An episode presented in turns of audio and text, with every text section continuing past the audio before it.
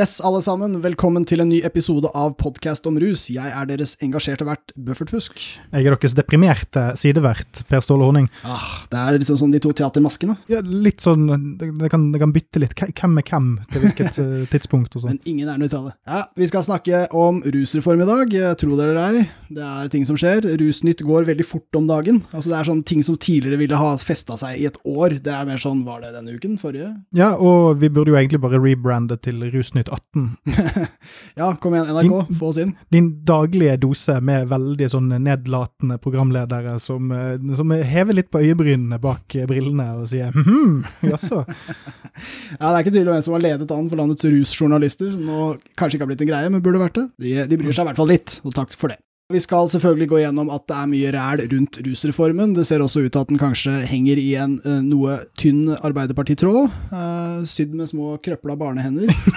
uh, men før vi gjør det, så kan vi jo snakke litt om festligere ting, som eksempel at Cecilia Brekhus har fått seg en ny kompis i USA. Ja, altså, det, det, er jo to ting med denne saken som er litt gøy. Fordi det er jo da Det er Cecilia, eller Cecilie? Cecilia. Er det Cecilia? Ja. Brekkhus, damen som er kjent for å Hun er bare kjent for å skambanke kvinnfolk. Og så Zaid Ali på en sånn sketsj en gang. Og så har hun vært og besøkt Mike Tyson, og så har hun fått kritikk for å være et dårlig forbilde fordi at hun eh, har angivelig da vært på besøk på cannabisfarmen til Mike Tyson. Ja. Og det, det var bare til, besøket som hun fikk kritikk for. Tenk, ja. tenk å være venn med en sånn. Ja, og så, så har det jo òg kommet fram etterpå at hun var ikke engang på besøk på cannabisfarmen hans, hun var på besøk i bokseklubben hans eller noe sånt, boksegymmen. Ja, å ja, faglig relevant. Ja, det var et eller annet sånn her, en å, ny avsløring. Det var ikke, det, det var, var ikke på cannabisfarmbesøk likevel. Her har vi det, jeg fant det. Det er gymanlegget hans i Los Angeles, fungerer også som podcaststudio for cannabisfirma. Ah. Så det er ikke noe weed der. Nei, det er bare en podcastfarm. Det, det, er et eh, kjempeskummelt rom hvor de snakker om weed. Så så de har en podkast om rus? Boksepresidenten reagerer. Kom, kom, og besøk oss du, Cecilia, så skal vi Eller hva, hva enn du heter? Brekkhus? Ja, ja, det er, det er Cecilia. Så. Men, men det, min innvending mot dette her er jo det at uh, det er litt morsomt at den norske presidenten for folk som slår hverandre helseløs og gir hverandre hjerneskade, har sagt at uh, Brekkhus er et dårlig forbilde fordi at hun besøker cannabisfarmer. Men det er ingen i denne saken her som har påpekt at hun er et dårlig forbilde fordi at hun besøker voldtektsmenn. Mm. Fordi Mike Tyson eh, Og jeg kan ikke en dritt om Mike Tyson eller boksing, eller noe sånt, men han har jo sonet en dom for ja. voldtekt, og det var jo det som faktisk stoppet karrieren hans. Det var jo ja. det som gjorde at han ikke fortsatte Litt sånn uomstridt hendelse også? Ja, ja altså, ja, altså jeg har mistanke om at det er noe sånn jeg, jeg, jeg, vet ikke om jeg skal kalle det hvitvasking, for jeg kan ikke noe om saken, men jeg har inntrykk av at det er noen av de der sånne greiene som man bare har glemt, på et vis. i i moderne tid. Ja, det... Han har jo blitt en sånn, her, sånn artig, gammel bokseonkel uh, i det siste. Det, sånn, det, det, er jo litt artig at når man først skal henge seg opp i én ting, med den saken der, så er det ikke den. ja, ja. Nei, det I det minste. Nei, Han er jo en koselig gammel bestefar etter å først ha drevet med kannibalisme i ringen, og så etterpå denne voldtektssaken. Men, uh, men, det er ikke noe av grunnen til at uh, boksepresidenten kritiserer Brækhus. Mm. Det er nemlig besøket i seg selv, og det som ble trukket frem senere, var at noen spurte henne i en Instagram-kommentar smakte du noe på varene. Og så svarte hun 'I did', med et stort smil. Uh, og det hadde jo ikke boksepresidenten fått med seg i det hele tatt. Og, det gjør hele saken bare morsommere, fordi de hadde reagert uansett. Altså, Brekehus stiller opp med en fyr som har weed-blad på genseren. Å, dårlig forbilde. Dette er, dette er, mobbing. Altså, seriøst, Mike Tyson kan som sagt bli hata for mange ting, mm. men at han har et jævla podcast-studio som representerer weed uh, ved siden av gymmen sin, det er ikke så, du er ikke kjip om du besøker det. Der syns jeg ikke lista skal ligge. Nei, i hvert fall ikke når verdens mest berømte podkast nettopp er nesten en weed-farm. Ja. Joe Rogan sitt studio er ikke akkurat fyrer opp. Ja. Nei, det er tydelig at podcast-gamet Nå vet jeg ikke hva slags eh, podcast som finnes i bokseverden, om mm. de har noe, begynt å lage den sjæl, sånn som visse firmaer, bl.a. Politidirektoratet, har begynt å gjøre. Men, jeg, jeg, tror det å få en sammenhengende samtale til å fungere mellom to eh, Xboxere kanskje begynner å bli en litt sånn tall order. det er det med å være litt snappy og Husker du den gangen ja, jeg slo noen i trynet. Sant? Ja, kan du være litt mer spesifikk? Det hjalp ikke. Yes, nei, men uh, Vi støtter selvfølgelig Brækhus og syns hun er et godt forbilde, særlig fordi hun bare besøker folk. Mm. Uh, og om hun smaker, så er ikke det gjenstand for kritikk, uh, og da blir det litt for dårlig. Litt for teit kritikk.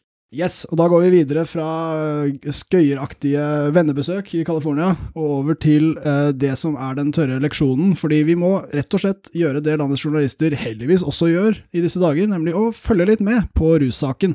Og det store spørsmålet som vi stiller, som eh, norske journalister ennå ikke har stilt, er hva skal egentlig til for å få norsk politi til å slutte å jage brukere? Ja, det, det ser ut til at det kanskje er For at nå har liksom politikere sagt det, og Riksadvokaten har sagt det. Ja. og Det virker som det nesten er statsadvokaten som er nødt til å si det, og han har ikke så veldig lyst. Nei, statsadvokaten er vår store sperre her. Det er faktisk statsadvokat Geir Evanger som avviser at det er snakk om noen politiskandale, etter å ha fått en korreks fra Riksadvokaten om praksisen på feltet, som da ser ut til å ha vært veldig feil og helt systematisk. Evanger vil jo gjerne understreke at det har blitt gjort litt sånn småfeil her og der, men som ganske mange lett kan dokumentere, så har dette blitt gjort i årevis med voldsomt inngripende konsekvenser, og det er mer standard enn unntak. Ja, for Før vi går litt ned i materien, her, så har jeg bare lyst til å påpeke det at han her Evanger han burde jo ha fått med seg nå at hvis du er skallet, for vi ser på et bilde av han her, hvis du er skallet, så har du frasagt deg retten til å gå med røde bukseseler og hvittskjorte resten av livet. Fordi at du, det er noen assosiasjoner der som du bare Du kan ikke take it back, altså. Du kan ikke reclaime det som en slags sånn positiv greie. Ja, og den, uh, la oss kalle den harde linjen, uh, er ikke den vi skal uh, gå for om dagen, altså. Uh, på tide å myke litt opp. Dette fargespillet her, det, det fremstår kanskje litt fiendtlig. For å gå litt tilbake til Riksadvokaten og ta, ta det litt sånn step by step nedover i rekkene her. Ja, det får vi rett og slett gjøre. Altså, Riksadvokaten kom den 9. april, som nå i skrivende stund er tre dager siden, fredag 9. Ganske symboltung dato òg, for så vidt. Ja, vet du hva som var gøy? På Facebook så skrev Jan Erik Bresil aldri mer 9. april. og det var selvfølgelig en krigsreferanse, men det er jo gøy, fordi de fikk jo korrekt samme dag, så mm. ble jo seg kanskje. Altså, Riksadvokaten har gitt en større instruks. Vi fokuserer på én del av dette i dag, eh, og det er eh, på nederst, på side 8 av 13, så skriver Riksadvokaten følgende. Dersom den det gjelder ikke innrømmer ulovlig rusmiddelbruk, vil rusmiddeltesting være et relevant etterforskningsskritt. Kroppslig undersøkelse etter straffeprosessloven paragraf 157 i form av tvungen urinprøve eller blodprøve vil imidlertid, etter Riksadvokatens syn, ikke være et forholdsmessig inngrep for å avdekke ulovlig rusmiddelbruk alene. Dette berører selvsagt ikke kontrollregimer som bla, bla, bla veitrafikken. Ja, for det, det, som da statsadvokaten og politiet ja, slår seg vrange på her, er hva du prøver å avdekke med urinprøve. Ja. Det er litt interessant når de driver og snakker om nettopp dette med urinprøve og sånt av ungdom og sånt, så, så, argumenterer de veldig ofte for at dette her er for å holde dem på den rette sti og sånt. Ja, visst. Men det de begynner å krangle på nå, er jo egentlig at de er nødt til å ta tvungne urinprøve av å, sjekke pungen til kids og sånn, som er en sak vi kanskje har glemt å nevne. Ja. At de er nødt til å gjøre det for å avdekke salg. Ja. Så, så, det er ikke det at de tar brukerne, Nei. det er bare det at de, de, vet ikke om de er brukere eller selgere eller en del av et nettverk før de har konfiskert telefonene og åpnet de og ja. tvunget de til å pisse og avdekket bruk. Yes. Så det finnes rett og slett ikke en måte å få politiet til å slutte å jage brukere på. For for hver gang de får beskjed om å gjøre noe annet med vanlige brukere, ja. så redefinerer de hvor brukeren på en måte hører hjemme i dette her ruspyramidespillet. Så de er alltid en brikke i, i den sjakkampen de har gående mot uh, langerne. Ja, absolutt. Dette, dette, minner meg litt om en annen uh, måte politiet hoppet litt over uh, retningslinjene sine. Det var i forbindelse med at folk blir kontrollert av narkotikahund på offentlig sted, og også på videregående skole. Ja, Vi nevnte det sist òg, forrige episode. For så vidt, ja. men der, der, valgte de å si at nei da, vi går etter mistanke, fordi når hunden markerer, så er det mistanke. Mm. Den har jo lukta på alle først, men det, er, det, skjer på en måte med en gang den lukter, og så markerer den, og der var det mistanke. Mm. I samme sekund. Her er litt samme greia, at du, du, blir tatt av politiet, du sier du ikke har brukt, de sier du har brukt, så går de ned i mobilen din, og der står det 'jeg elsker joints' på en melding, og så har de mm. avslørt deg. Men, men de skal ikke gjøre det, med mindre du er konkret mistenkt for salg, og egentlig er det en enkel sak, du skal kunne redegjøre for den mistanken. Hvorfor var denne personen mistenkt for salg? Og det politiet hinter om, også etter å ha fått instruks fra Riksadvokaten, det er at det, det er litt samme greia. Det, det, å undersøke om du er en bruker, da, da må vi sjekke mobilen. Da må vi sjekke eh, bopel. Og igjen, da, da, er det ikke noe forskjell på bruker og selger mm. i politiets håndheving av dette her, og det er det Riksadvokaten understreker at det skal være. Så de går langt, det er lov å si. Eh, det er flere, altså, det vi først må ta tak i her, er at Riksadvokaten i praksis har avkriminalisert bruk av narkotika. ja, det, det, er liksom En gladsak. Tar tak i den. Fordi igjen, da, hvis man skal følge det Riksadvokaten sier her, så vil da i det, det ord mot ord-tilfellet, politiet sier du har brukt, og du sier nei, så vil de egentlig da ikke ha mulighet til å sjekke verken urin eller mobil mm. eller bolig, og da stopper jo egentlig saken der. Ja. Da har ikke politiet straffeprosessielle virkemidler for å undersøke påstanden. Og da vil bruk være greit, eh, så får vi bare vente litt med besittelse og kjøp og sånn. Og så blir det jo da sånn at på hvilket tidspunkt er det eh, noen kan si noe til politiet som ikke de automatisk vil redefinere til eh, sin fordel? Mm. Og hvem er det som kan gå inn og bruke tvangsmidler mot politiet nå, da? For nå virker det jo som om at alt vi prøver, funker jo ikke. Nei. De lar seg jo ikke endre. Nei, Uansett, selv så da, så da er det jo kanskje straff vi må begynne å tenke på, da? sånn for å bruke de sin egen logikk her, da. Ja, men hvis ikke dere gjør sånn som dere får beskjed om, og følger norsk lov, så, så burde vi jo kanskje Kanskje dere skulle ha en eh, sånn, eh, sånn eh, ja, en ruskontrakt? Ja, og... Så nå lover du å ikke jage brukere i et år, og så mm. tar vi og tar regelmessige stikkprøver av uh, arrestasjonsrapportene dine. Hvis vi finner noe der, så er det rett ut. ja, Noe som tilstøyer at du er en straffer. Ja. du er ikke bare en som har straffet litt. Nei, det er den her pisken nei, det er riset bak speilet og fjørkosten igjen. sant? Ja, ja. Tilbake dit.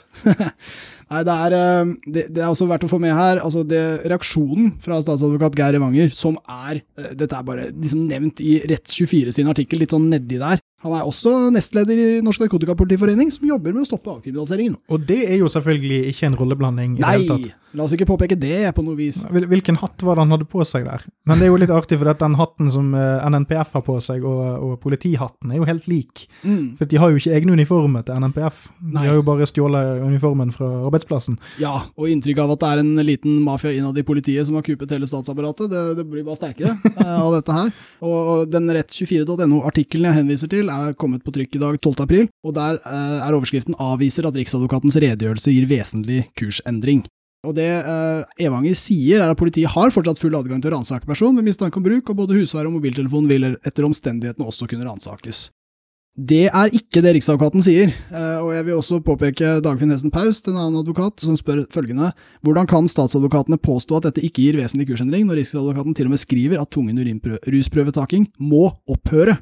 Mener de at det ikke tas urin- eller blodprøver for å bevise bruk i dag, og hvordan bevises lovbruddet da? Eh, Hans Fredrik Martinussen påpeker også at eh, det er en statsadvokat som ikke vil følge regjeringsadvokatens instruks. Han vil tolke den etter eget forgodtbefinnende. Han er nestleder i NPF. Dette er helt utrolig. Jeg har også lyst til å nevne litt hva Riksadvokaten er, for det kan man jo lure litt på. Riksadvokaten er påtalemyndighetens daglige leder, så innad i bedriften kan jeg vel si hør på daglig leder. som ikke er mellomleder i dette tilfellet. Eh, Riksadvokaten fatter avgjørelser i enkeltsaker, behandler klagesaker, og opptrer også av og til som anklager i straffesaker for domstolene, når det er viktige prinsipielle spørsmål som skal behandles. Vi får med siste her fra Wikipedia. Riksadvokatens rundskriv og direktiver er styrende for påtalemyndigheten. Styrende. ja. Så. Ja, for at, altså, det blir litt som om at pappa kommer hjem fra kontoret, og så sier han 'Hvem er det som har spilt fotball inne i stuen?' Ja. Og så står, er det tre mistenkte der, og så sier de 'Nei, ja, vi, du har alltid gitt oss lov til å spille fotball i stuen'. Det har du alltid sagt. Altså, 'Nei, det er ikke lov. Fra og med nå så er ikke lov å spille fotball i stuen'. Og så kommer du hjem dagen etterpå, og så står de der og sier 'Nei, men det, du sa ikke at det ikke var lov å spille fotball i stuen sånn egentlig. fordi at, hva, hva betyr det egentlig å spille fotball? Ja, du, altså, definerer stuen som dette området? Ja, sant. Altså, hvis vi bruker hendene, er det, er det da fotball? Ja, absolutt. Vi, vi, kommer tilbake til vårt spørsmål. Hva er det som skal til for å få norsk politi til å slutte å arrestere brukere? Folket ber om det, politikerne ber om det, Riksadvokaten, deres sjef, ber om det, og de fortsetter å si jeg tror egentlig ikke vi har blitt spurt om det. Nei. Jeg tror egentlig ingen har bedt oss om det. Sånn, slutt å jage brukere. Så, hæ, hva var det du sa vi skulle gjøre? Nei, slutt å jage brukere! Rukere? Hva, hva mener du, rukere? Hva, ja, det, det, er ikke et ord jeg skjønner. Det betyr selger. Ja. Ikke ta pisseprøve! Nei, pisseprøve det, altså, det er, det er, jo mer en slags pissesmaking, kanskje? Ja, nei, vet du hva, det er, det er, helt skandaløst. Jeg håper det får konsekvenser. Foreløpig så ser det ut at statsadvokaten altså, vi, vi, hadde egentlig en konflikt mellom statsadvokatembetet og riksadvokatembetet om hvordan det skulle tolkes ikke sant, i lovverket, hvordan, hvilke rettigheter man har. Og den, den, uenigheten var veldig spennende, og da ville vi at justisministeren skulle si noe om det, og liksom få litt flere stemmer på banen. Men hun ventet jo på Riksadvokatens skriv, og, og kanskje med en tro om at den korreksen faktisk ville ha effekt. Og det vi ser her, er jo at Evanger bare fortsetter. Mm. Bare, bare sier at nei, nei, det er ikke korrekt, egentlig. Så det er ingen måte å bruke lovlige virkemidler, tydeligvis, for å stoppe dem i denne praksisen. Ja, Da må vi kanskje invadere Grønland politikammer, da? Ja. Altså, Sette inn hæren, kanskje? ja. Vi har et sånn rogue state gående. Jeg er for, altså som, som, borger så vil jeg gjerne be staten om å finne ut av denne dritten her. altså Bli enig internt om hvordan dere skal behandle oss, mm. uh, vi skattebetalere som tross alt er uenige i behandlingen som gis til ganske mange av oss. Og jeg må også bare, rent prosessuelt, eller hva faen slags politibegrep du vil bruke, hvorfor er politiet så utrolig dårlige til å finne selgere at de må sjekke mobiler? Altså, Har de ingen uh, kilder? Har de, altså, Én ting er å presse folk i avhør, greit nok, men er det liksom ingen i et lokalsamfunn som vil snakke med politiet? Må de gå i lomma, løfte punger, alt mulig sånn for å finne disse selgerne? Er det så jævlig vanskelig å gjøre dette uten å ta folks rettigheter og drite på dem? Må det liksom være en del av Altså, Jeg, jeg frista til å si vær flinkere til jobben deres, og bruk de reglene dere har, og ikke si at dere trenger å bryte dem for å gjøre jobben. Jævlig stusslig innsats. Og det er, det er så lett å ta brukere.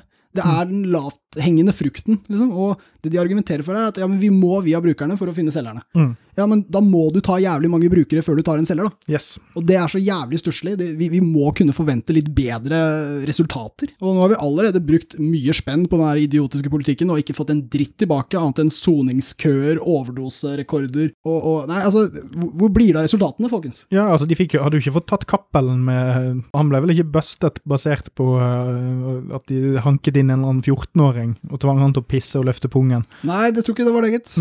Det var faktisk politiet som begynte å snu seg litt internt. Og så ja. begynte, begynte, det. De fant noe internt og begynte ja. der. Når det først er den største dealeren de noen gang har tatt, så måtte de bare sjekke litt i sin egen etat, og der var bevisene, gitt! De lå borti svingen der, de. Ah. Bare, bare kikket litt over på nabopulten.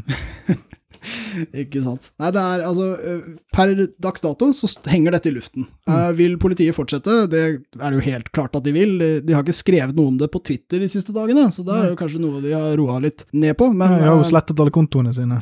Ja, eh, det er jo en annen ting som godt kan kommenteres her, at NNPF har slutta på Twitter og gått over til eh, Facebook, der de kan få lov å redigere alt. Ja, og det er jo der alle besteforeldre drar for å dø. Ja.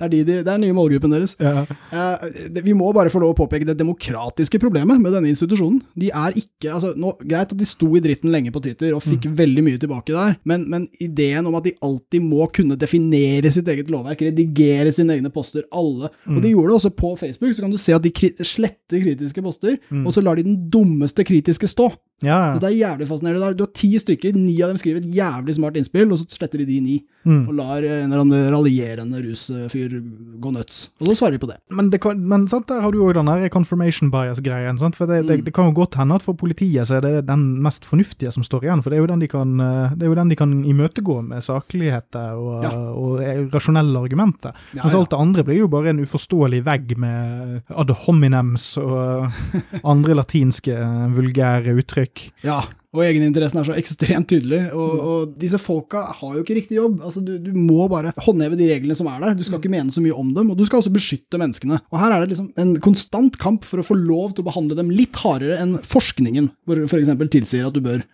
Ekstrem straffevilje, ekstrem uh, antidemokratisk innsats både når det kommer til debatten, hvordan man ser de svarer, og også deres innstilling til Riksadvokatens uh, redegjørelse. Siste kommentar til denne biten her, ja. så er det interessant at statsadvokaten òg legger opp til at fordi jeg tror det er noe vi kommer til å hente opp igjen uh, seinere. Oh, yeah.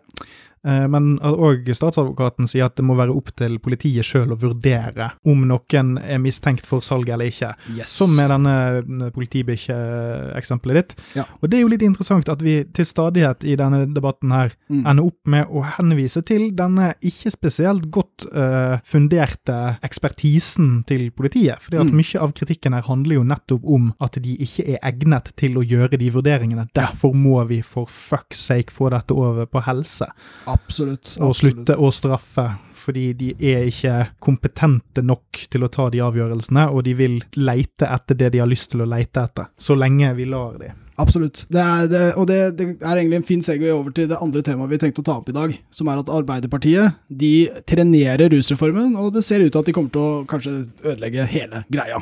Det de da snakker om, er en differensiering eh, mellom rusbrukere. De tar likhet for loven-prinsippet, og så tar de og tørker seg litt bak med det, mm. og ser at nei, her er det veldig vanskelig å lage en lov som funker for alle, gitt. Så kanskje vi burde lage en fiktiv lov som ikke funker, og dermed ikke gjøre en dritt.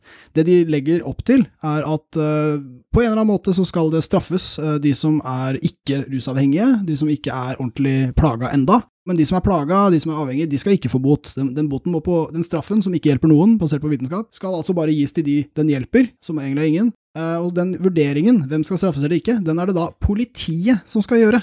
Igjen, med, med bakteppe i alt vi har sagt i dag, den, hvilket grunnlag vil den vurderingen tas på? Politiet vet jo knapt hvordan man ser om noen er rusa, basert på tegn og symptomer-undervisningen til Jan Erik Bresil ved Politihøgskolen.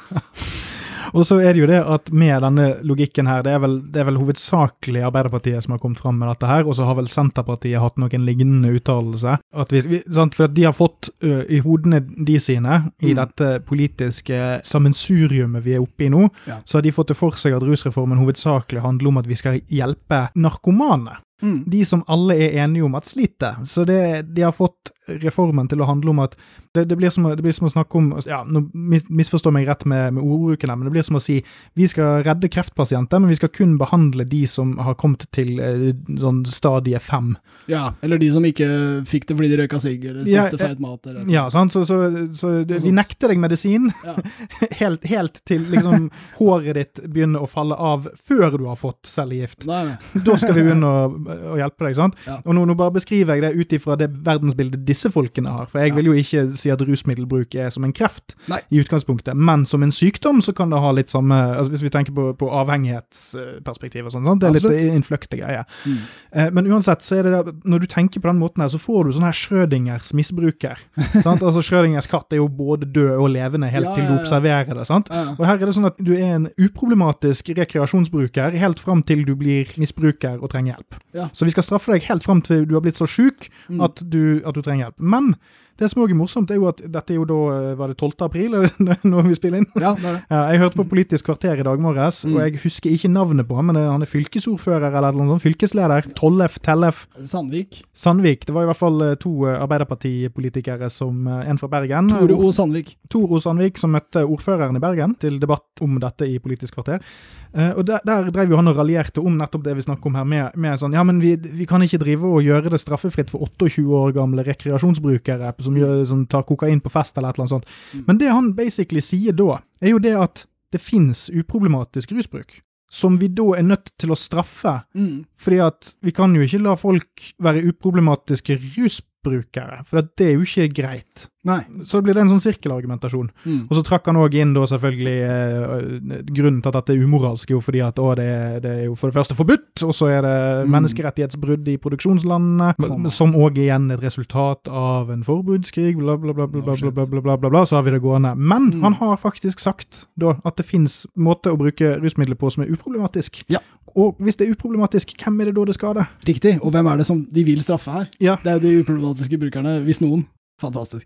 Jeg vil henvise også til uh, I dag så har Fagrådet, rusfeltets hovedorganisasjon, skrevet en ganske fin artikkel om det som ble sagt på Politisk kvarter i dag, så jeg henviser dit, siden jeg måtte jobbe og fikk ikke høre på. Uh, rusreformens skjebne Bare jobbe litt dårligere. Ja, vet det. Burde bare få en annen jobb. Uh, Rusreformens skjebne avgjøres til helgen, heter artikkelen, og det som er viktig å få med her, er avsnitt som tar tak i nettopp det Sandvik sa på Politisk kvarter i dag.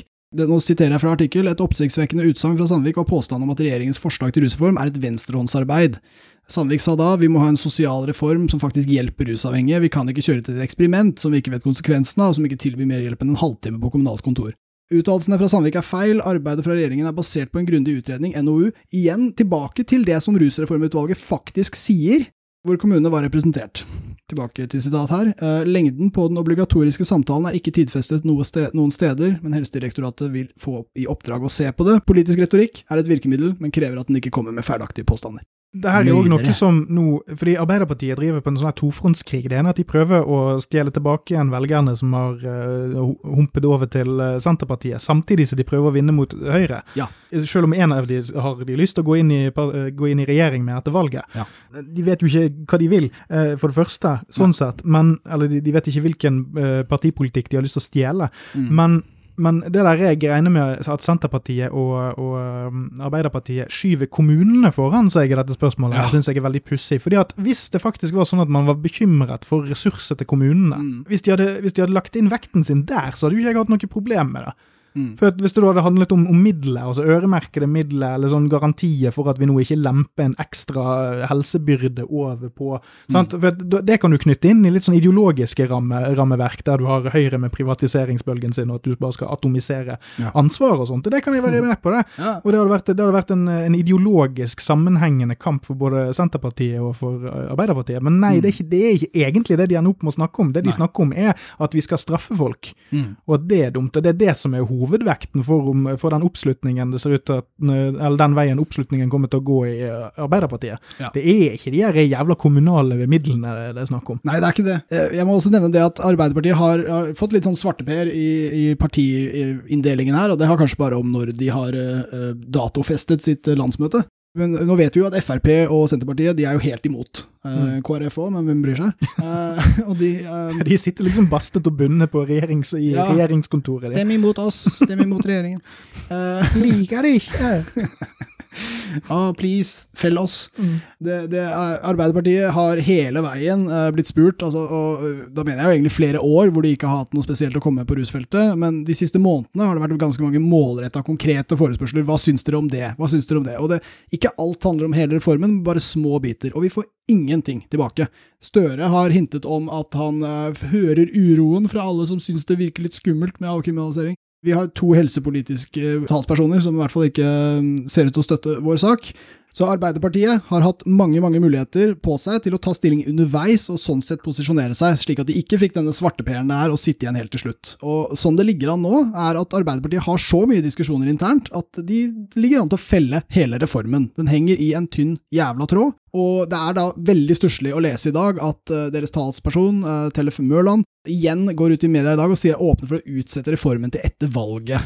Altså, det, det, har hatt så mye tid på seg, og det er så vanskelig å avgjøre. Og det som det snakkes om, som Mørland trekker frem, er denne differensieringen, den ulikheten for loven som de mener bør være der. Hvordan man skal skille mellom misbruker og bruker. Og helsepolitikerne Tuva Moflag og Tellef Inge Mørland har begge vært aktive bremser for logikken som legges frem av Rusreformutvalget. Og når de da etterpå kommer dragende med en differensiering som ikke bare er umulig, Altså, det har blitt sagt på konferanser av flere, bl.a. Sverre Nesvåg, for en måned siden, at det her lar seg ikke gjennomføre i praksis. Du kan ikke faktisk skille mellom disse gruppene.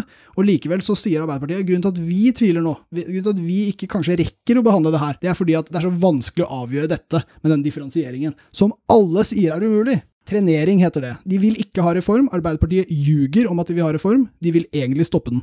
Eller jeg, jeg, satt og tenkte litt før sending her at det fins en snøballsjanse i helvete for at at Arbeiderpartiet, om de skulle vinne valget, at kanskje det hadde blitt satt ned et utvalg fra de reformvennlige lagene, som mm. Oslo og Bergen og sånn, mm. og at de ville blitt satt ned til å skrive et utkast til noe med en ordlyd som er lettere å svelge for veldig mange av lokallagene i Arbeiderpartiet. Ja. Og at vi da kunne fått gjennom noe som kanskje, hvis vi myser, ligner litt på det som har blitt lagt fram i dag. Mm. Men det forutsetter en serie med dominobrikker som treffer andre ting og hopper opp i glass, og sånn som du har sett på sånne YouTube-videoer i pandemien nå. med ja. sånne Rube Goldberg Machines som går rundt uh, sånn Tom og Jerry contraption. Ja. Så, så jeg, jeg, har ikke noe tro på det sjøl heller. Og jeg tror det finnes eh, veldig gode krefter i Arbeiderpartiet som har lyst på en reform, men Arbeiderpartiet som apparat har ikke tatt denne debatten her på alvor.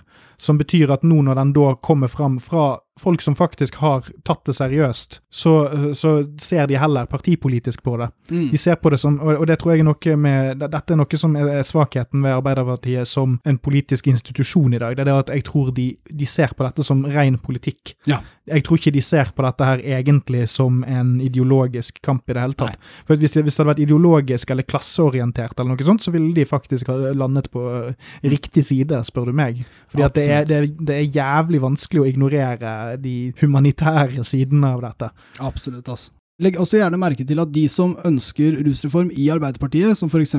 Kamzy eller Per Anders eh, Torvik Langerød, eh, så, så, fremhever de veldig gjerne det rusreformutvalget snakket om, og, og, vitenskapen, som tross alt nå er gjennomgått. Eh, men jeg har sett eh, debatt eh, litt internt, hvor også helsepolitiker Tuva Moflag var med. og Da sitter hun bare og snakker om hvor, hvor, tøft det er å være lokalpolitiker, og hvor viktig det er å høre på alle de lokale stemmene, og de er så veldig bekymra over denne reformen. Og igjen, jeg kan ikke understreke nok at vitenskapen er helt tydelig på at straff ikke fungerer, og likevel allikevel så ønsker man fortsatt å, å straffe disse rekreasjonelle brukerne. Man, man, liksom hater de lite grann, da. De trenger nok straff. Trekk fram Exit-gutta. Trekk, mm. trekk, fram den gruppen som liksom er så slem at straff er riktig for dem, da. Den gruppen som aldri blir straffet, uansett ja. hva regime vi har. Ikke sant. Og som aldri har blitt dekket av noe lovverk vi har hatt så langt. Eh, hva med ungdommen, da? Eh, hvorfor er det så viktig å straffe de? Hater du ungdom òg, eller? Ja. Er, de slåss eh, liksom med seg selv om denne straffen, og per i dag så ligger altså Arbeiderpartiet er et, et parti som liksom er for store for å la andre bestemme om ruspolitikk, og så har de ikke kommet med en dritt sjæl, og da blir de plutselig litt sånn usikre på om man burde høre på vitenskap. Ja, og så virker det som om dette straffevinduet eh, blir veldig sånn opp i luften og litt sånn innskrenket. Det er sånn, du, hvis, du er, hvis, du er, ressurssterk over en gitt alder, altså la oss si hvis, hvis du, er 20, du, er over 23, kommer fra et møblert hjem, har en grei inntekt mm. og blir tatt med noe kokain, da, ja. så skal du få straff. Ja, ja. ja og, det, og, det, vet vi jo av statistikken er de som blir sjeldnest tatt ja. av politiet. Og så skal det være hjelp fra alle de som er yngre, og så skal det være hjelp for alle de som er avhengige. Ja. Og hvordan skal vi avgjøre det? Jo, det er en av to muligheter. Det ene er at vi hører på brukerne sjøl. fordi at mm. er du avhengig, så skal ikke du få straff. Så da må vi spørre brukeren er du avhengig. Og hvis eh, brukeren da svarer ja, så mm. kan du ikke straffe han. Nei. For da blir det å ikke ta uh, misbrukerne på alvor. Det blir det gøy å måle hvor mange som er avhengig etterpå. Ja. Mm. Uh, andre alternativet, som jeg la litt opp til i sted, er jo at dette overlates til politiet sitt skjønn. Ja, det gjør det. Og da har vi jo igjen punktert hele poenget med rusreformen. Fordi poenget var å flytte dette over fra justis til helse. Yes. Men når vi lar portvokterne inn til helse fremdeles være de som bare må kikke under pungen på 15 år gamle gutter på åpen gate, for, for, å se om han har gjemt noe der. Ja, ikke sant. Da, da, da, sliter jeg litt med å Jeg vet ikke om de er så tilbøyelige til å skrive ut en, en henvisning til uh, lege, jeg, for, uh, for en konsultasjon. Jeg ser ikke for meg at Jan Erik Bresil står og har kvelertak på en sånn shitkid og sier sånn Trenger du hjelp?! Trenger du hjelp? Hva heter fastlegen din? På han! Det er sånn kjærlighet vi gir. Faen, altså. altså, ehm, det de også kan gjøre, eh, som jeg må ta frem fra VGs artikkel om dette, det er at de vil kanskje be om en utsettelse i Stortinget, Arbeiderpartiet. Sånn sånn, vi kan ikke stemme på det her ennå, det blir litt for brått. Vi har jo ikke hatt nok tid på oss i det hele tatt. Eh, og det kan medføre en utsettelse. altså da, da, vil de legge til noe, ta ut noe i mm. reformen, mm. og så ta stilling til det etterpå. Og det, det, kan være bedre enn om reformen faller, for hvis den faller, så må den tas helt opp på ny, og det kan ta lang tid. Men samtidig er det trolig verre. Fordi eh, du vil ende opp med en reform som da plukkes i biter, og så tar man og legger til noe, og allerede har man jo skildra ideer som er umulig å gjennomføre, og basert på kåt straffevilje, som er moralsk basert. Men, men, det som er grunnen til at Arbeiderpartiet er åpenbart trenerende med dette, at de prøver å stoppe reformen, det er at den allerede er konservativ. Rusreformutvalgets eh, innstilling med, med forslag de ble eh, redigert av regjeringen før de ble lagt frem, og det er bare blitt strengere. Altså igjen, vitenskapelig vurdering, hva, hva funker? Så har det blitt strengere, så blir det lagt frem, og så sier de veit ikke om det er strengt nok, tror kanskje vi burde utsette den der. Dette er ikke bra nok. Vi risikerer å få en rusreform som ikke gjør en dritt. En rusreform som endrer niks nada. Nå har vi lagt fram vitenskap at straff ikke funker, og så sier de ja, vi må bare se litt mer på hvem vi skal straffe og hvordan, og så kan hende de dropper hele greia. Det er ekstremt provoserende. Vitenskap burde telle mer enn dette her. En ting jeg vil legge til på slutten, idet jeg prøver å argumentere for at Arbeiderpartiets argumentasjon her handler om å aktivt stoppe. Det handler ikke om å forbedre, det handler ikke om å bygge opp eller endre norsk ruspolitikk, det handler om å bevare den vi har, og slåss for straff. Det er uh, veldig greit å få med dette med uh, differensieringsprinsippet deres. De vil at det her skal gjelde for noen og ikke for alle. Og de rekreasjonelle rusmisbrukerne er en slags utopisk gruppe her. Ja, jeg vet exit-folka finnes, men med en differensiering i dette lovverket, som er mellom da rekreasjonelle brukere og de avhengige, eller noe slikt, så vil man gå glipp av det som var hele målet med rusreformen, nemlig at vi skulle fjerne det sosiale stigma rundt rus, slik at folk f.eks. kan snakke ærlig om det, sånn at de slipper å frykte straff. Og ved å lage et system der du f.eks. slipper straff hvis du sier du er avhengig, så har du forverret det systemet. Dette systemet der folk ikke sier sannheten om bruken sin. Og du, du bygger opp under en idé som er straffeideen. Du bygger ned hele ideen om at hvis vi fjerner straff, så vil det hjelpe alle. Og jeg mener alle. Én ting er å ta til orde for et differensiert lovverk, loven er ikke lik for alle, det er sprøtt nok og åpenbart fake, åpenbart trenering det er snakk om, men, men, en annen ting er at man faktisk går aktivt inn for straff her. Det er ikke slik at det blir uh, straff versus hjelp versus straff og hjelp, det er bare to alternativer, det er straff og hjelp. Og her sier Arbeiderpartiet at de vil ha straff. Og hvis de ender med å svikte denne reformen her, så håper jeg alle velgere husker det i lang tid. Nå har ikke Arbeiderpartiet vært bra på mange år, men hvis dette er måten de skal komme seg tilbake i regjering, så håper jeg de blir ekstremt hardt straffet for det. Jeg håper seriøst de konservative, eller hva jeg skal kalle det, straffekåte politikerne ute i bygdefrontene deres får svi på neste valg. Dette her burde dere ikke tro at dere tjener på. Det interessante er at man fremdeles ser på svaret på en sånn rusreform som eh, fortsatt underkastelse. altså denne, denne, ideen om at du skal akseptere påstanden om at enten så er du en dårlig borger, mm. eller så er du syk. Ja. Det er ingen andre alternativer sånn som stat og myndighet ser på deg på. Det er de to alternativene du har, eh, og det er uansett underkastelse av noen andre sin definisjon av hvem du er, og hva du står for, mm. og, og, på mange måter en, en fortsatt eh, knebling av, av, rasjonell tilnærming til både forskning og egentlig god gammeldags sunn fornuft. Fordi hvis du kaster et blikk på den situasjonen vi har i dag, og tenker at dette funker, Mm. og at alt som kommer for å utfordre dette her, har et element av fare ved seg, mm. så er det det vi må bekjempe. Ja. Det er faktisk ikke en, en, type innstilling til samfunnet vårt som er spesielt god å ha mm. når du er satt til å styre oss. Mm. Uh, og jeg mener jo at dette her er et problem man har over hele det politiske spekteret, men nå er det nå for så vidt mm. denne konkrete saken vi snakker om.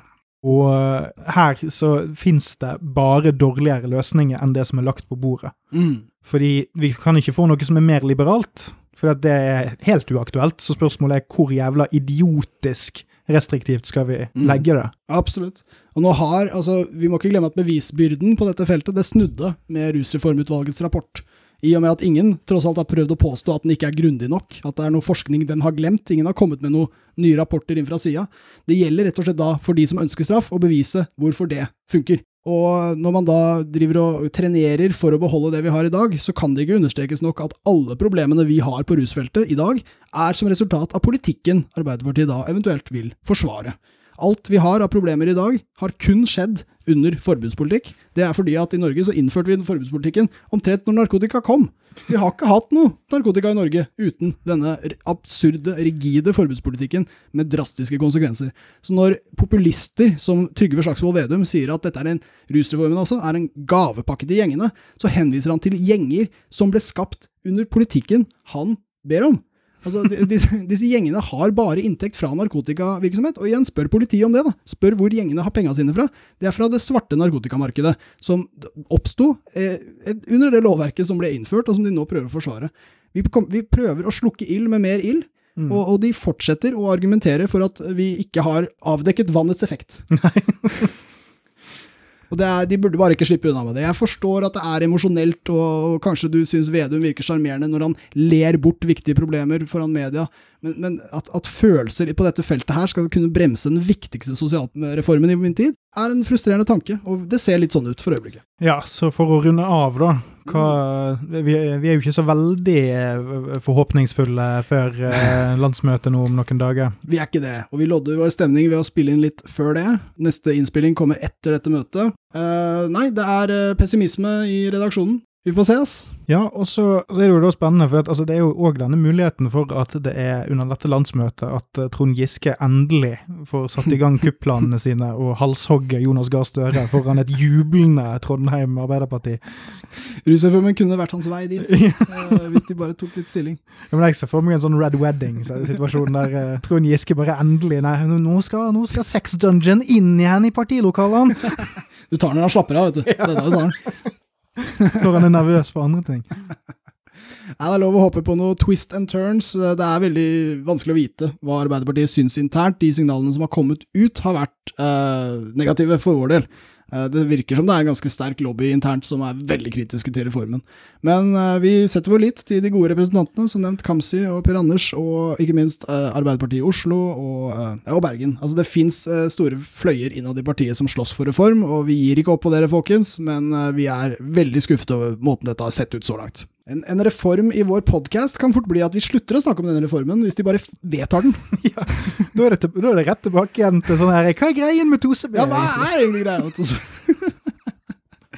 Vi, kanskje vi har noen flere episoder i oss. Ja, kanskje vi har det. om det. Gå litt tilbake til den der eh, spille inn i en lydisolert oljetønne-estetikken som uh, vi bygget branden vår på.